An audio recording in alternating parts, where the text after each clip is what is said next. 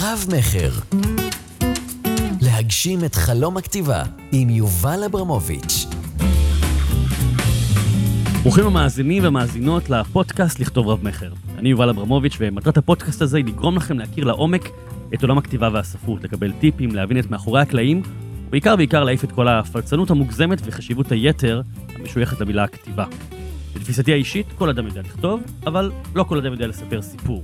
אבל את זה אני אנסה ללמד אתכם בס... בספר רב-מכר, להגשים את חלום הכתיבה, ניתן להשיג בחנויות הספרים ובאתר שלי, ובאמצעות הפודקאסט הזה שיארח דמויות מעולם הכתיבה הישראלית, מסופרים ועורכים ועד מפיצי ספרים. והיום איתי מאירה ברנע גולדברג, שהיא סופרת, עורכת, מבקרת ספרים, גם חברה. אה, סדרת ספרי הנוער כרמל שכתבה עם היסטריית נוער וילדים שנוערים לחנויות הספרים, על מנת לזכות בסלפי עם הסופרת האהובה עליהם. כמו כן היא כתבה את הספר הילדה שניסתה, ואת הרומנים כמה רחוק את מוכנה ללכת, משפחה לדוגמה, מסעותיי עם חמותי. בנוסף לכתיבת uh, ספרים היא גם כותבת ביקורות, או יותר נכון המלצות על ספרי ילדים. היא מתחזקת טור אישי ברשת שוקן, ומעל הכל מתחזקת עמוד פייסבוק, בו היא מהגגת על שלושה דברים מרכזיים. בנה אבישי, שמאובחן על הספקטרום האוטיסטי, חיבתה העזה לשוקולד, ובתקופה, ובתקופה האחרונה גם לא מעט על אזהרות מסע לכותבים מתחילים. אהלן מאירה. אהלן, מה נשמע? בסדר, מה קורה? הכל אה, מעולה. בואי נתחיל מאזהרות מסע לכותבים אה, מתחילים. אה, בדיוק לאחרונה גם קיימת כנס מאוד מאוד גדול שהגיעו אליו הרבה מאוד אנשים, כותבים מנוסים, צעירים, מתחילים, סופרים, קולגות. למה כל כך בוער לך לכתוב על זה? את מרבה לכתוב על זה בפייסבוק. אני עבדתי 15 שנה בצומת ספרים, ולא הייתי מודעת לכל מיני דברים שקורים מאחורי הקלעים, עד שלפתע פתאום התחלתי לקבל המון שיחות טלפון כמנהלת שירות לקוחות מסופרים שהתחילו לדבר איתי על בעיות שיש להם. הם רצו לדעת כמה הם מכרו. והפניתי אותם למו"לים שלהם, אז הם אמרו לי שהמו"לים לא נותנים להם מידע, אומרים להם שלא נמכר למרות שהם יודעים בוודאות שנמכר. לא יכולתי לעזור להם, כי צומת ספרים לא יכלה לספק מידע כזה לסופרים. אבל כל הזמן רשמתי לעצמי בנק, בנקודות על איזה הוצאות מדובר, ושמתי לב שכל ההוצאות האלה זה בעצם הוצאות שלוקחות כסף מהסופרים. Mm. ורק אז נכנסתי ממש לעובי העניין, להבדלים בין ההוצאות, כי אני תמיד שפטתי ספר לפי אותו ספר, ולא שמתי לב כל כך להבדלים בין ההוצאות. וכשהבנתי שיש בעיה, שיש אה, דור חדש של מו"לים שפשוט מנצלים סופרים, הבנתי שיש בעיה, וכשעזבתי צומת ספרים, פשוט הרגשתי שיש, שצריכים לספר את זה לעולם, כי יותר מדי סופרים באו אליי לפגישות ייעוץ ופשוט בכו, אחרי ששילמו 70 אלף שקל, 80 אלף שקל, וכלום לא קרה עם הספר שלהם, אפילו לא הגיע לחנויות. והרגשתי שיש ממש ניצול, ואחרי חוק הסופרים, קמה ממש תעשייה שכל מטרתה היא ניצול של סופרים. וזה כאב לי אישית, כי לא תמיד יכולתי לעזור אחרי שהדברים קרו. אז החלטתי לעשות כנס או פגישות ייעוץ לפני שחותמים על חוזים, שיבינו איך העולם הזה בנוי, וידעו להיות uh, מוכנים לקראתו, כי אפשר להצליח, פשוט צריכים לא ליפול בדרך, ולפעמים זה באמת uh, טעויות תמימות, הם משלמים מחיר. אז אם נגיד עכשיו uh, מישהו מאזין לנו, ש... עובד או עובדת על ספר ויש להם חלם להוציא את זה, מה את ממליצה? ללכת קודם כל להוצאות הגדולות, המוכרות ומסודרות, או ללכת להוצאות העצמאיות וגם ממה להיזהר? קודם כל, אני חושבת שכל אחד צריך להיות כנה עם עצמו ולהבין מה היכולות שלו. אם יש לו יכולות שיווקיות מטורפות, וזה הוכח כבר, כלומר, יש לו אה, המון קהילה מאוד אה, מגובשת באחת מהרשתות החברתיות, או גם לא חייבת ברשתות החברתיות, יכול להיות גם בפרטי, אמיתי. Mm-hmm. יש לי המון חברים שיכולים לעזור לי ומקושרים והכול, הם יכולים לעשות מה שהם רוצים, יש להם כוח.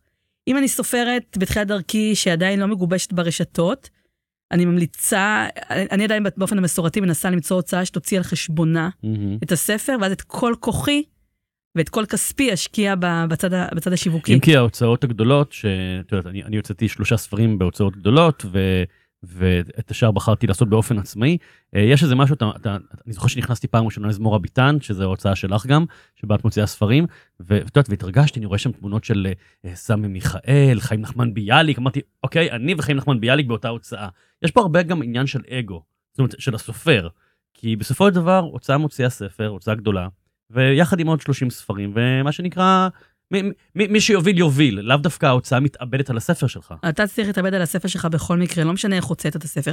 שאף אחד לא יחיה באשליות שהוא מוציא ספר, ואם הוא מוציא בהוצאה גדולה, אז הוא יכול להיות רגוע ולשכב בבית, ללכת לטיול בחו"ל ולחזור ויקרה משהו. סופר בכל מקרה צריך להתאבד על הספר שלו מבחינה שיווקית, מהשנייה שהוא נולד, עדיף להתכונן כבר חצי שנה לפני ולהכין את העולם לזה שהספר מתכוון אה, לצאת לאור.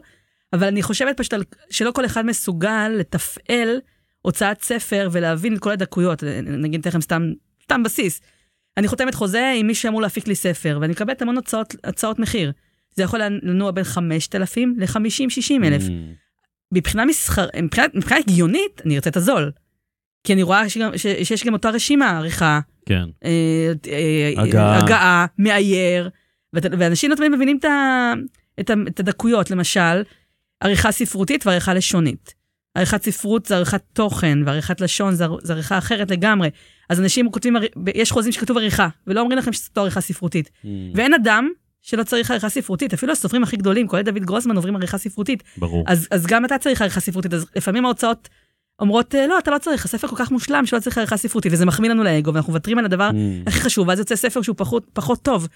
ואנחנו לא מודעים לזה, אנחנו הולכים על הזול, וזה לא בהכרח, נגיד, גם איור. יש אלפי מאיירים, כל אחד לפי הרמה שלו. בדרך כלל בספ, בס- בספרי ילדים, ניקח מאייר זול מאוד, משהו בספר לא, לא ייראה טוב, וכשספר לא נראה טוב, זה המראה שלו לעולם. זה, ש- שאני מבקרת ספרות ואני אני פוסלת את הכריכות.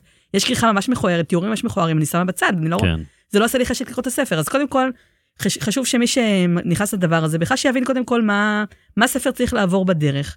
אם הוא הולך לספרות עצמאית, שיהיה איזה רשימת צ'קליסט כזה לבדוק שההוצאה הציעה לו את הכל. אבל הכלל הראשון, ראשון, ראשון שחותמים חוזה, ולא משנה עכשיו איזה הוצאה זאת, בתשלום, לא בתשלום, תמיד ללכת לכמה חנויות טובות, לא לאחת, שתיים, ממש, מצידי 20 אפילו, מהמם. ולבדוק האם ספר, כמו שאני כותבת, אם זה ספרי ילדים, אז ספר ילדים, ספר מבוגרים, ספר מבוגרים, מספר עיון, ספר עיון, האם אני רואה ספרים של ההוצאה הזאת מוצגים בחנויות הספרים בבימות המרכזיות.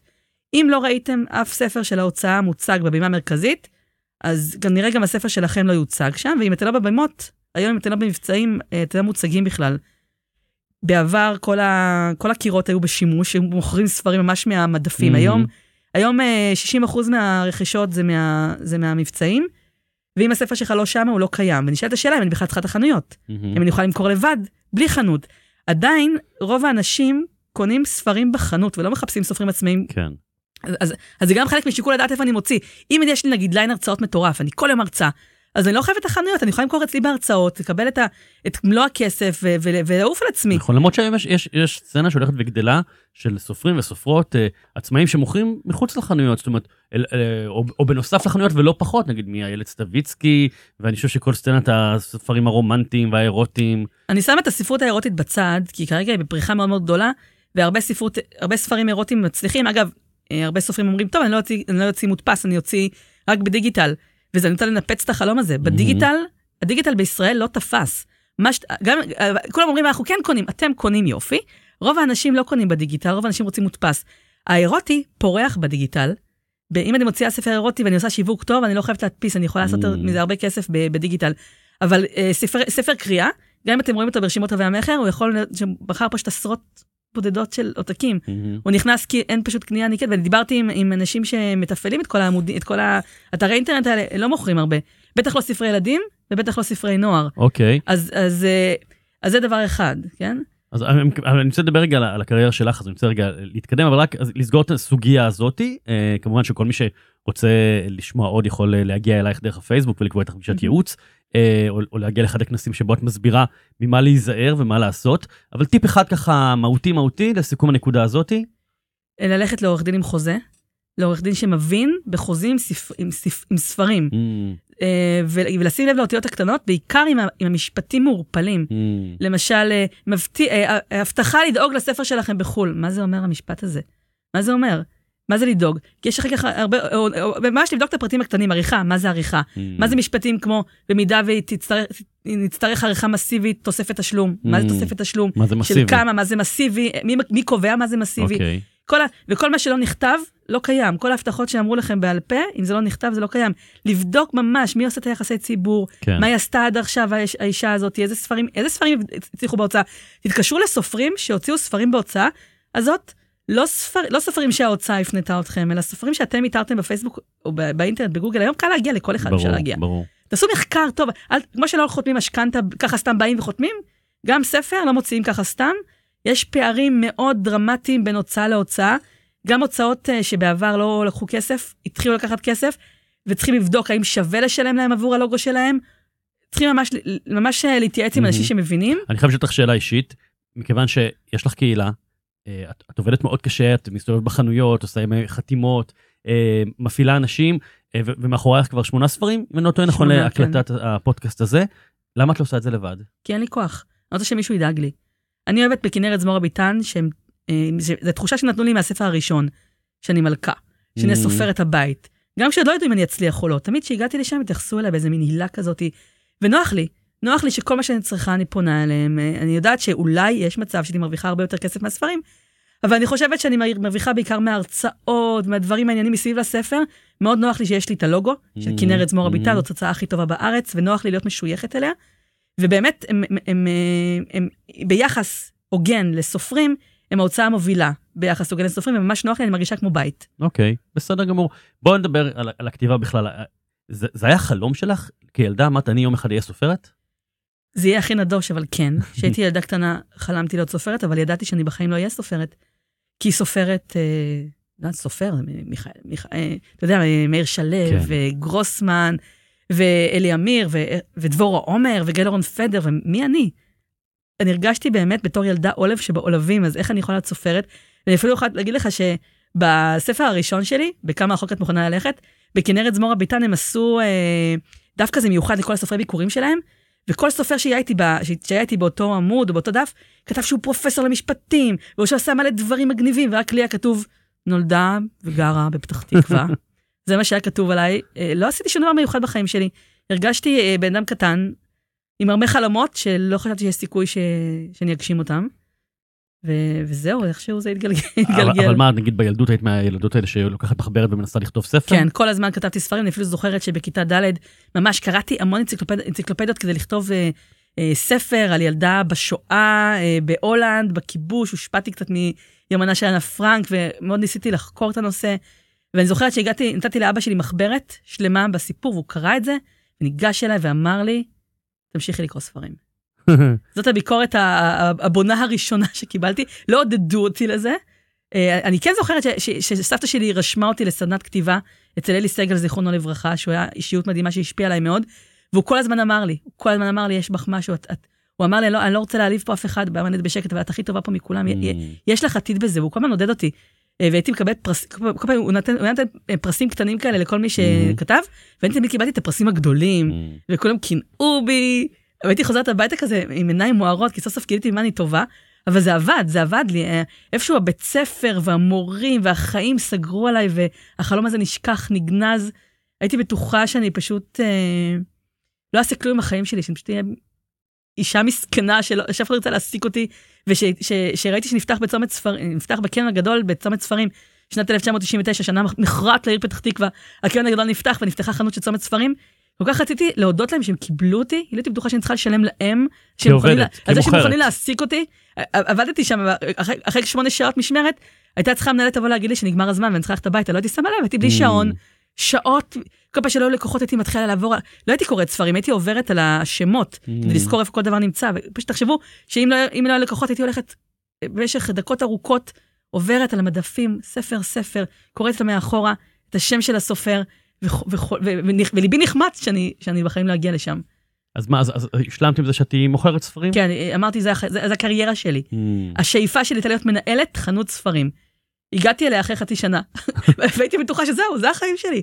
כאילו, השתחררתי מהצבא, חצי שנה אה, אה, לקח לי ככה לנהל סניף גדול, והייתי בטוחה ש, שזהו, שם אני אהיה עד, אה, עד, עד, עד יום מותי. כן, ו- את והחתולים. אה, כן, לא, חתולים הייתי דווקא, דווקא אה, אני אלרגית לחתולים, לא התקרבתי לאף חתול. באמת, את אלרגית? כן, או, אלרגית- אה, זה אלרגית זה קשה. יודעים כל הילדים יודעים, זה כתוב על הכריכה.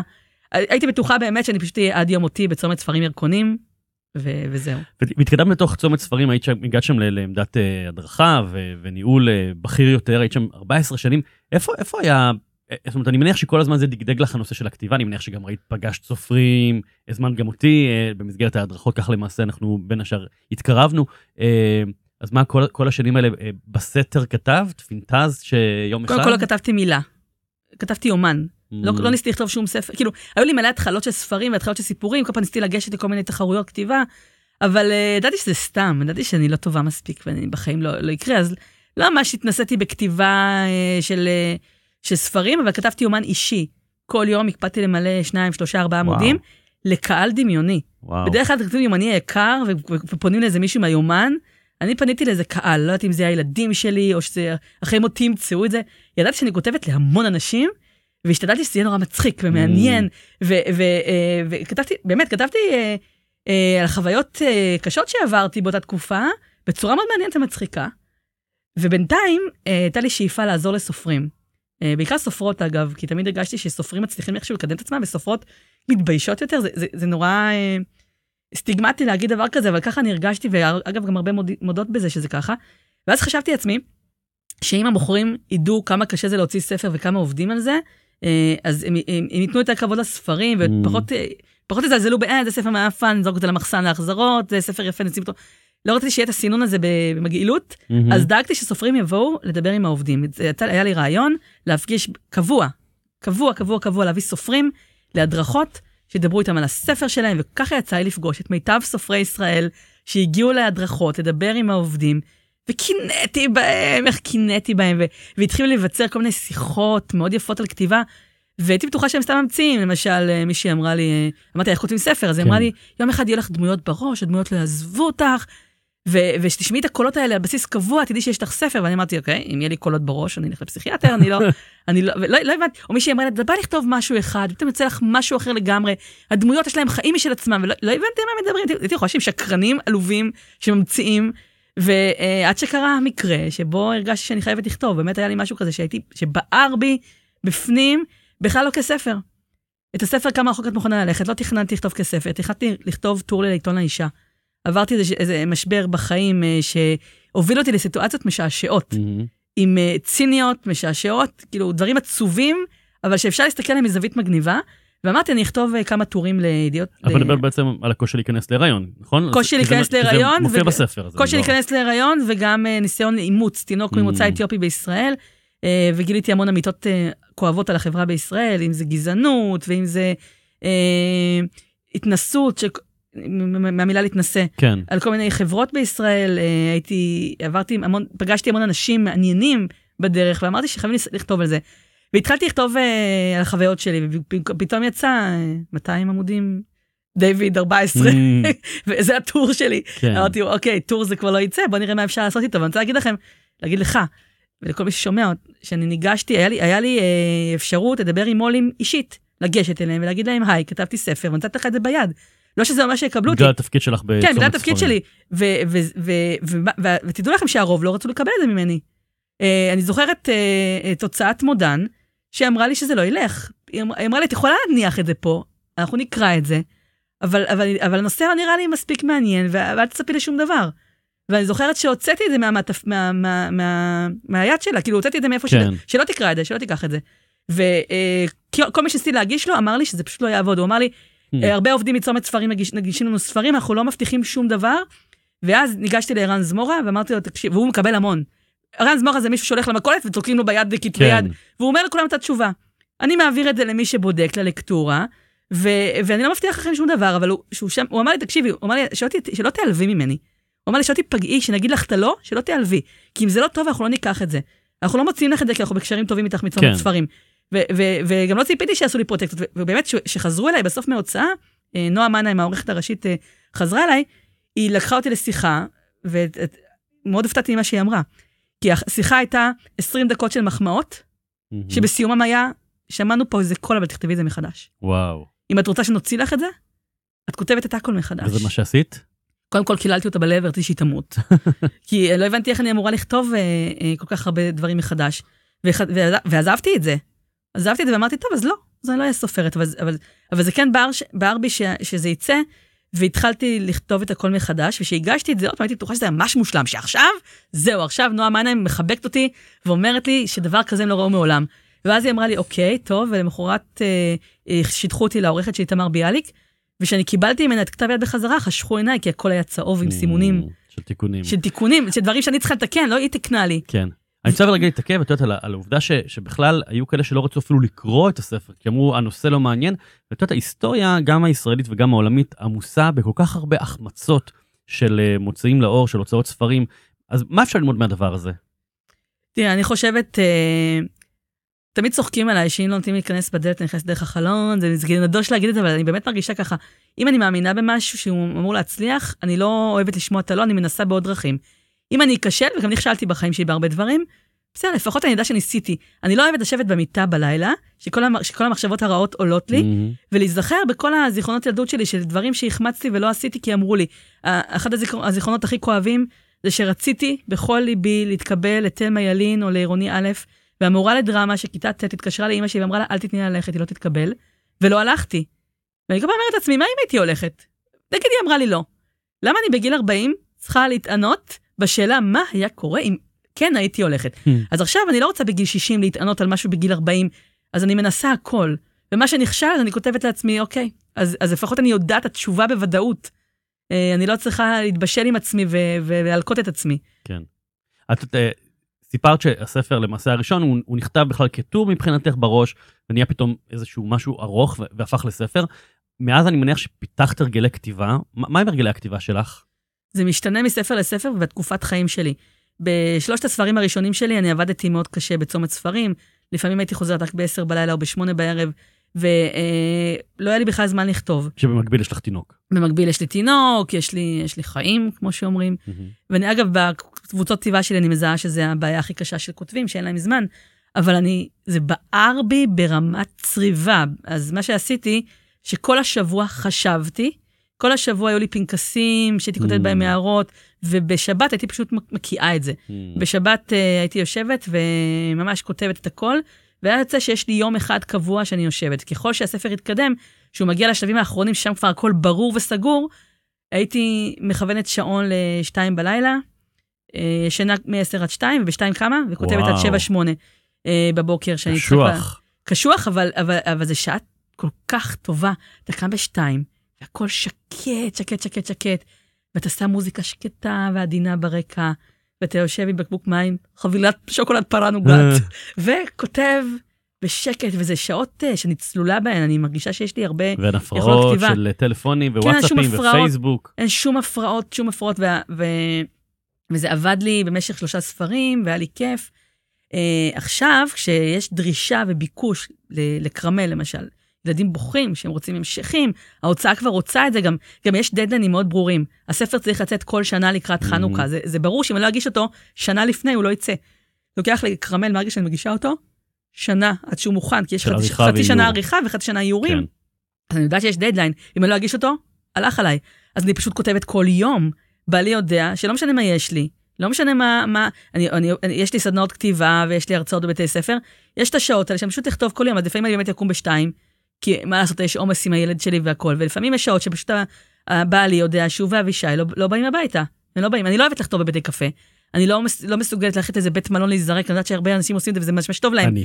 כן, אני, אני צריכה, אני צריכה את הסלון שלי, מהמם. אפילו יש לי פינת עבודה מאוד מסודרת, אני לא מסוגלת- מסוגלת לכתוב, ואני צריכה על, הס, על הספה, על הספה, מהמם. לשבת ולכתוב, ובעלי מאפשר לי את זה, והיום השגרת כתיבה שלי היא פשוט, כשאני כותבת ספר, אז אני פשוט כותבת אותו כל יום, כל יום, כל יום. טוב, אבל האמת שיש משהו מקסים, אה, חנן אה, הוא דמות, מי שעוקב אחריך בפייסבוק, אה, מכיר אותו כדמות, כבאמת יד ימינך. אני חושב שזה, שזה מאוד חשוב לאדם כותב את התמיכה לקבל בבית, מהבעל, אישה, מהילדים, מה, מהסביבה, לא לכולם יש את זה. אני הרגלתי את אבישי, אבישי בן עשר. אני הרגלתי את הבן שלי, שאני בן אדם, בפני עצמי, יחד עם זה שאני אימא שלו, וכשאני כותבת, הוא לא פונה אליי. שזה ילד אוטיסט. לפעמים קשה לו, אה, שאם קרה לו משהו, הוא רוצה לדבר איתי. אבל תדע, לכם, ש- תדע לך שהזמינו אותו מבית ספר לעשות הרצאה על בטהובן, והוא ידע שהוא צריך את העזרה שלי, ופעם ראשונה בחיים שלי שהבנתי שהוא מבין את זה, כי הוא אמר למורה שהוא צריך להתייעץ איתי, כי אני כותבת את כרמל, ואני מאוד עסוקה ולחוצה בזמן האחרון, והוא צריך לבדוק אם יש לי אפשרות לעזור לו, וואו. ובשבילי זה כל כך ריגש אותי שעזבתי את הכתיבת ספר ועזרתי לו לעשות את המצגת הזאת, כי אמרתי, אם הוא כל כך הבין והיה רגיש, אני אראה לו שאני כן בשבילו שמה. אבל הרגלתי את הבית שהחיים הם סביבי. כן. עכשיו, שזה גם אה, מכניס כסף כלכלית, אז יש, אז יש רצון גם להירתם, התגייסות. יש רצון להתגייס. כן. ו- ובעלי מההתחלה אמר לי שזה הייעוד שלי והוא צופה, צופה לי הצלחה אדירה. הוא לחץ עליי, אני עובדת, עבדתי 14 שנה בצומת ספרים, מתוכם 10 שנים הוא רצה שאני אתפטר. מהמם. עשר שנים הוא אמר לי, תצאי, תהיי עצמאית, תהיי עצמאית, תהיי עצמאית. אה, תלמדי כתיבה, תעשי כתיבה, תכתבי ספרים. הוא ממש עודד אותי ותמך בי. ואגב, הוא היחיד שקורא כל אה, ספר ש... אני לא נותנת לאף אחד לראות ספרים שלי, לי, אין לי בטא, וכל... אני פשוט נותנת רק לו, הוא מעיר את ההערות וזה הולך לעורכת אחרי שאני מתקנת. מהמם. טוב, אז... אה, הוא חי סביבי, זה... את, את מודעת לזה שזכית. אני אומרת לאלוהים, באמת, אמיתי, כל בוקר תודה, שזה בעלי וזה הילד שלי, ממש, באמת זכיתי. איזה אני, כיף. אני יודעת את זה. תגידי, וכשאת ניגשת ל- ל- לספר היום, את, את בונה אותו, את יודעת, יש הרי כל מיני אה, טכניקות כתיבה, יש סופרים שכותבים אינטואיטיבית, שיש להם איזשהו זרע של רעיון ונותנים לזרום, יש כאלה שכותבים מבנה מאוד מאוד נוקשה ולא זזים ממנו, ויש כאלה שיותר גמישים, איך את עובדת? עולה לך רעיון לספר, ל- למשל אה, מסעותיים חמותי. כל ספר כתבתי אחרת. וגם בסדנות כתיבה שלי אני רוצה להסביר שלא חייבים להיצמד אף פעם למשהו שאומרים לך. הספרים הראשונים שלי נכתבו אינטואיטיבית. ישבתי, כתבתי, אבל שמתי לב שיש מכנה משותף להכל. אני יודעת הסוף. והסוף יושב לי חזק וברור בצורה מאוד מאוד אה, ציורית. אני רואה את זה כסרט בראש. אם יש לי סוף, יהיה ספר. אם אין לי סוף, אין ספר כרגע. Mm, עכשיו, אם אני בונה את הכל מההתחלה, בכרמל אני כבר צריכה להיות מדויקת, כי זה כבר כמה, אות- וזה זה כבר ספר חמישי, אה, הרביעי יצא עכשיו, את החמישי אני כותבת, אי אפשר להתבלבל פה. זה כבר, יש לזה עבר, אי אפשר להמציא דברים, צריכים להיות מאוד מדויקים. בכרמל אני פשוט יושבת קודם כל, איזה כמה, כמה תקופה, ובונה מה יהיה בכל פרק, אבל גם, רק כשיש לי את הסוף. כשאני רואה את הסוף ברור, אני יכולה להתחיל לבנות את זה. וכתוב לי מה יהיה בכל פרק, זה לא, זה גמיש. זה גמיש כי אז פתאום אני מגלה, זה עובד, זה לא עובד, זה פתאום הדמות כן. אותי פתאום נראית לי קצת אחרת, את שונה. אז אני משנה את זה, אבל, אבל כן, ש- תמיד אני יודעת לאן לחתור. אני יודעת לאן אני צריכה לנסוע. אה, מסע עם חמותי למשל, נכתב לגמרי בטעות. הייתי באמצע כרמל, באמצע כתיבת כרמל 3, התעוררתי בבוקר עם רעיון לספר. עם התחלה, אמצע וסוף, וואו. גמור, סגור, חתום. וואו. עכשיו, דבר ראשון, הייתי בטוחה שראיתי סרט כזה. או, או קראתי ספר כזה, כבר, כבר התעוררתי פעם עם, עם חלום כזה, עם ספר סגור חתום, וגיליתי שזה סרט שראיתי לפני כמה שנים. אז כשאלתי את בעלי אם הוא מכיר דבר כזה, אמרו לי לא. התקשרתי לחברות שלי שעובדות בחנויות ספרים, אם יש ספר כזה, ופשוט אמרתי, אני רק אכתוב לעצמי תזכורת על מה הספר, ואני אחזור לכרמל, כי כרמל מחכים לו. והתחלתי לכתוב תזכורת, אה, ושם אני אספר לך סיפור אמיתי. קמתי בשמונה בבוקר, בעלי אמ- הלך לה- להסיע את אבישי לבית ספר, ואני אמרתי, אני אכתוב שעה רגע את הרעיונות, וכנראה חנן ראה שיש משהו. הוא עשה לי הפתעה, הוא לקח את אבישי מבית ספר, בחזור, הם הלכו לקניון, לטיול, לקולנוע, חזרו בשמונה בערב. מה מסתבר? שאני אפילו לא שמתי לב. בשמונה בערב שהם חזרו, הייתי בטוחה של צהריים. הסתכלתי, אמרתי, מה, אה, למה חזרתי כל כך מוקדם? הוא אומר לי, שמונה בערב, ואני בינתיים כתבתי אה, כבר אה, שמונה פרקים. וואו. לא שמתי לב, אני כתבתי את כל הפרקים, ואז וואו. אמרתי לו, אתה יודע מה, אני נראה לי כותבת ספר. אז פשוט תעופו מפה לעוד שבועיים. וואו. ופשוט במשך שבועיים בא לי כל יום, כל יום, לקח, נעלם מהבית עם, עם, עם אבישי, ואחרי שבועיים היה את השלד הראשוני לספר, מדהים. שאגב זה הספר הכי מצליח שלי מכל ספרי, מהמם. מ, מ, כמה רחוק את יכולה לקחת, לקח לי חמש שנים, משפחה לדוגמה לקח שלוש שנים, וזה לקח כן. לי, את הדראפט הראשון לקח לי חודש, בגדול, כן. והוא הספר הכי מצליח, וגם, תגידי, יש לי שאלה אפרופו, את יודעת, מכיוון שיש לך יד קלה, את מייצרת בשנה ספר, ספר וחצי לפעמים, אולי אפילו שניים, אם, אם אנחנו לוקחים את ספרי הילדים. אמ, איך, איך את מרגישה ביחס לזה שהיד שלך היא יד קלה, במובן החיובי של המילה, זאת אומרת, אני, אני אומר את זה כי גם אני כותב בקלות, יוצא ממני בקלות, אני לא סובל בכתיבה. פעם היה לי עם זה קושי, אמרתי, אולי אני לא סופר טוב, כי אני לא סובל. תראה, אני רואה את חברות שלי איך הן מתייסרות על כל משפט. יש לי חברה מהממת שהיא סופרת לדעתי בחסד, והיא אה, הראתה לי סיפור קצר שהיא כתבה, והחמאתי לה מאוד, ולמחרת היא אמרה לי שהיא מחקה את הכל וכתבה מחדש, Mm, וככה חצי שנה היא מוחקת וכותבת מחדש, מוחקת ומתייסרת על כל משפט. ויש אה, עוד מישהי שאני מאוד אוהבת, עידית אלנתן, שכל מילה שם מדודה ובדוקה, ולכן היא מוציאה ספר פעם ב-200 שנה. אני החלטתי לשחרר את עצמי מאיסורי הכתיבה. mm, כלומר, אני הבנתי שמה שטוב אצלי זה הרעיונות. mm, יש לך רעיון, תעוף איתו. אני קודם כותבת. אני אחר, אני, רק אחרי שאני אגמור לכתוב, אני אחזור אחורה ואבדוק את הדיאלוגים שלי, ויבדוק את, המ, ויבדוק את המבנה, ויבדוק אם, אם כתבתי 10 שקל או 10 שקלים. כרגע אני כן. כותבת, בהתחלה אני כותבת ככה. יש כאלה שנעצרים, כי ה-10 שקל מזעזע אותם, mm. ו- ועד שלא, שלא הפסקה תהיה מושלמת, מושלמת, הם לא ימשיכו הלאה, וזה גורם להם לכתוב ספר ב-20 שנה. כן. אז אני קודם מוציאה את הכל, ואחרי זה מתחילה לעבוד עליו מההתחלה. ברמה שזה טכניקה שלקחתי מדוד גרוסמן, שהוא סיפר לי, סיפר לי, סיפר בהרצאה, יותר כיף להגיד סיפר לי. נכון. אז, אז עזבו, לא בהרצאה, סיפר לי שהוא, אה, שהוא כותב ספר, ואז מדפיס אותו, ומתחיל לכתוב אותו מחדש. כן, שמעתי לפעמים, על זה. לפעמים כמה פעמים, לפעמים 20 פעם גם. שאני לא יודעת אם זה אגדה אורבנית, ה-20, אבל זה מה שמסופר עליו.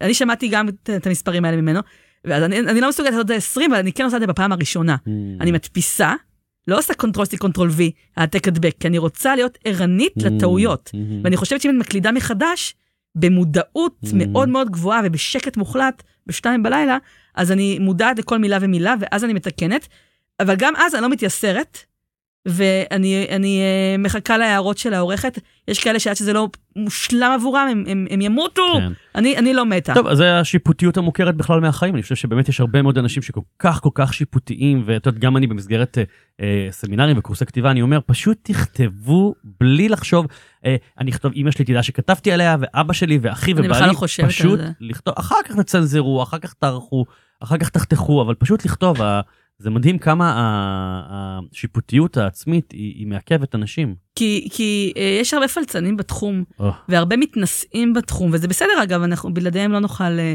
לא נוכל לקיים את התרבות הזאת. אני שמחה שיש מתנשאים, ואני שמחה שיש פלצנים. ויש כאלה שאגב יכולים להגיד שאני בכלל לא סופרת, שזה לא כתיבה בכלל, ואנחנו רואים את זה. כן. רואים לפעמים קטילות של מבקרי ספרות מאוד נחשבים, שהם קוטלים ז'אנר, ז'אנרים מסוימים. פשוט החלטתי לא לחשוב עליהם. אני לא חושבת מה יגידו עליי, אני, אני, אני רוצה שיהיה, שיהיה כיף לקרוא את הספרים שלי, וגם קריאה בשביל כיף היא טובה. אתם יודעים, בכרמל, יש בהתחלה קטע שהאחים הולכים מכות ורבים ומקללים, ואז איזה מישהי אמרה לי, "אתה יודע שזה לא חינוכי.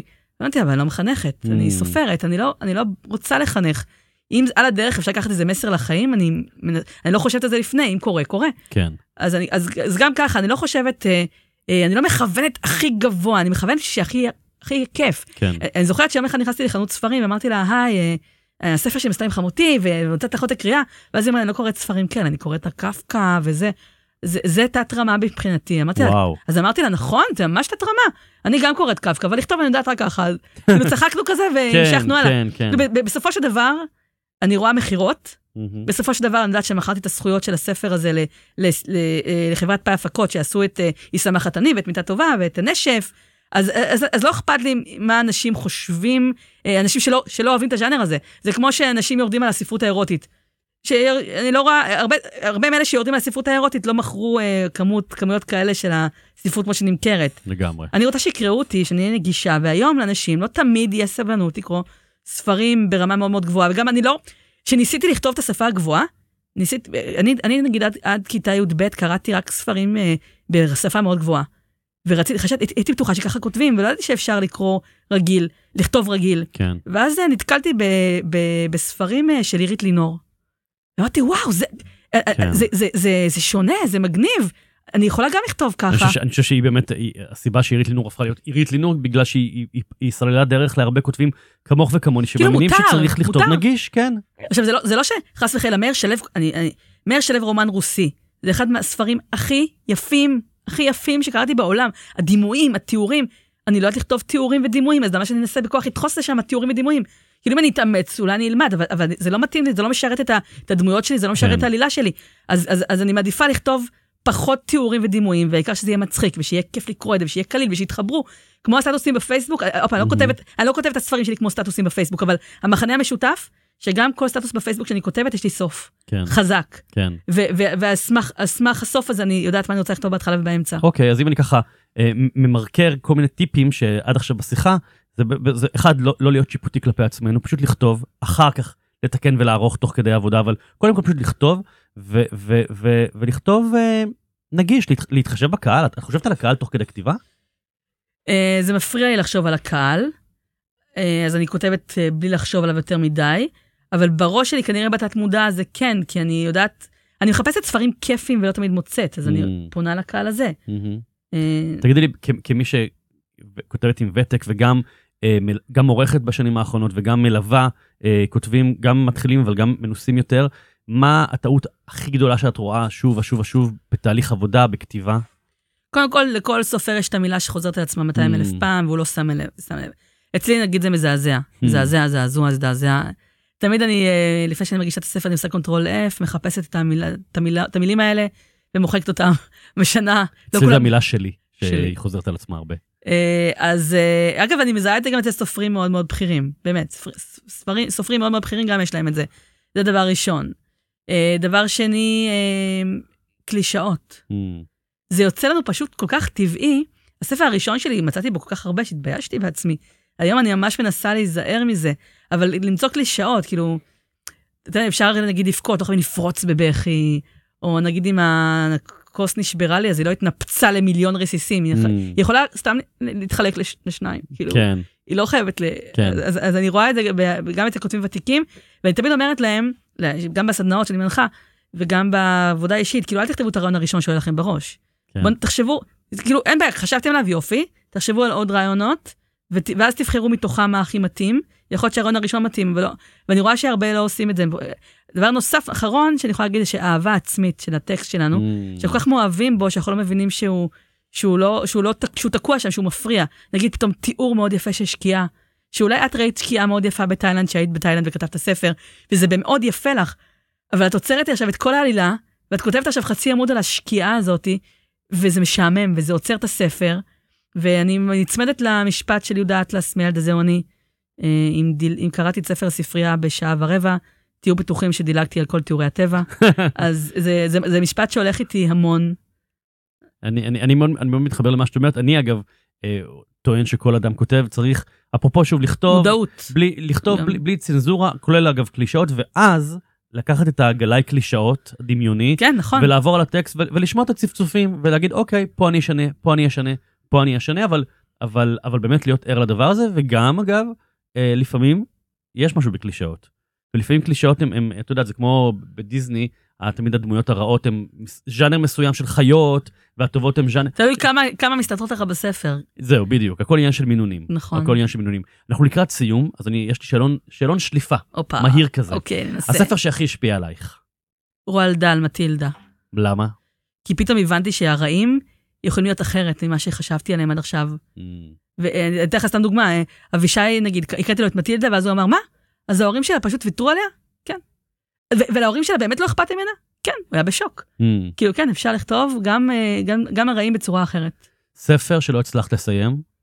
זה מביך, אבל אה, יוליסס, וניסיתי 20-30 פעם, נשבעת, נשבעת. לא נורא, זה בסדר, כאילו. כל פעם קניתי אותו מחדש, כי אמרתי, הפעם אני אצליח, ותמיד החזרתי אותו. מקורות ההשראה שלך או מקור ההשראה שלך? כל דבר שזז.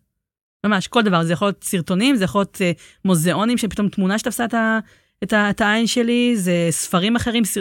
כל דבר. כותב או כותבת שאת אה, מקנאה בהם? יש יותר מדי, אז אני...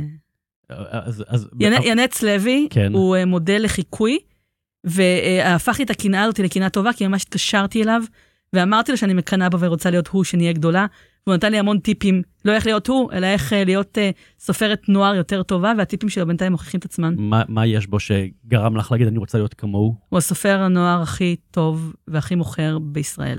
ו- ומה יש בו שמוביל אותו להיות כזה? הוא לא מוותר, הוא Mhm. הלך לכל הארץ, חרש את כל הארץ, היה Mhm. בכל המופעים של סל תרבות, כאילו, יש לו המון רעיונות יצירתיות, מהמם. חשיבה יצירתית, ת- צריכים לעקוב אחריו ולראות כל מה שהוא עושה. סרט קולנוע מבוסס ספר הכי מפוספס? ניקולה הקטן. זה- הם ניסו, וזה היה ליד, נגע. איזו יצירה ספרותית מוכרת היית רוצה שהיא תהיה שלך? הארי פוטר, ברור. הארי פוטר, קנאה איומה. אוקיי. אה, איפה ומתי את קוראת? אני, אה, בעבר הייתי קוראת כל- בכל מקום כל דקה. לאחרונה אז, אה, פיתחתי הרגל של עשר דקות לפני השינה. לשבת לקרוא, עכשיו אני קוראת את אה, הרשת התרבותית של נועה מנהיים, וזה נותן לי השראה מטורפת. זה פשוט מציתי את החלומות, Mm. החלומות מביאים לי את, ה- את הרעיונות לספרים, לספרים שלי. אה, ספר מודפס או דיגיטלי? מודפס, אה, ספר דיגיטלי או שמע? שמע. המילה האהובה עלייך? Hmm. נבלול, נבלול. נבלול. המילה השנואה עלייך? יש כל כך הרבה. הווייתה, הווייתה, לדייק. אני, אני לא אוהבת שאומרים את המילה, אה, צריכים לדייק את זה, צריכים, זה, זה שתי מילים אה, שמציקות לי. טוב, מאירה, היה לי כיף איתך. אה, אני מזמין אתכם, מי שרוצה להכיר עוד את עולמה של אה, מאירה, כמובן לחפש את הספרים שלה, גם ספרי ילדים, גם ספרי הנוער, גם ספרי המבוגרים. עמוד הפייסבוק שלה מאוד מאוד פעיל ומספק הרבה מאוד חומר אה, לשיח ודיון, אה, וכמובן אתר האינטרנט וההרצאות והסדנאות והסמינרים וכל הדברים. תודה רבה, מאירה ברנע גולדברג, שבילית איתי את תודה הזמן הזה. רבה. ביי. ביי. ביי.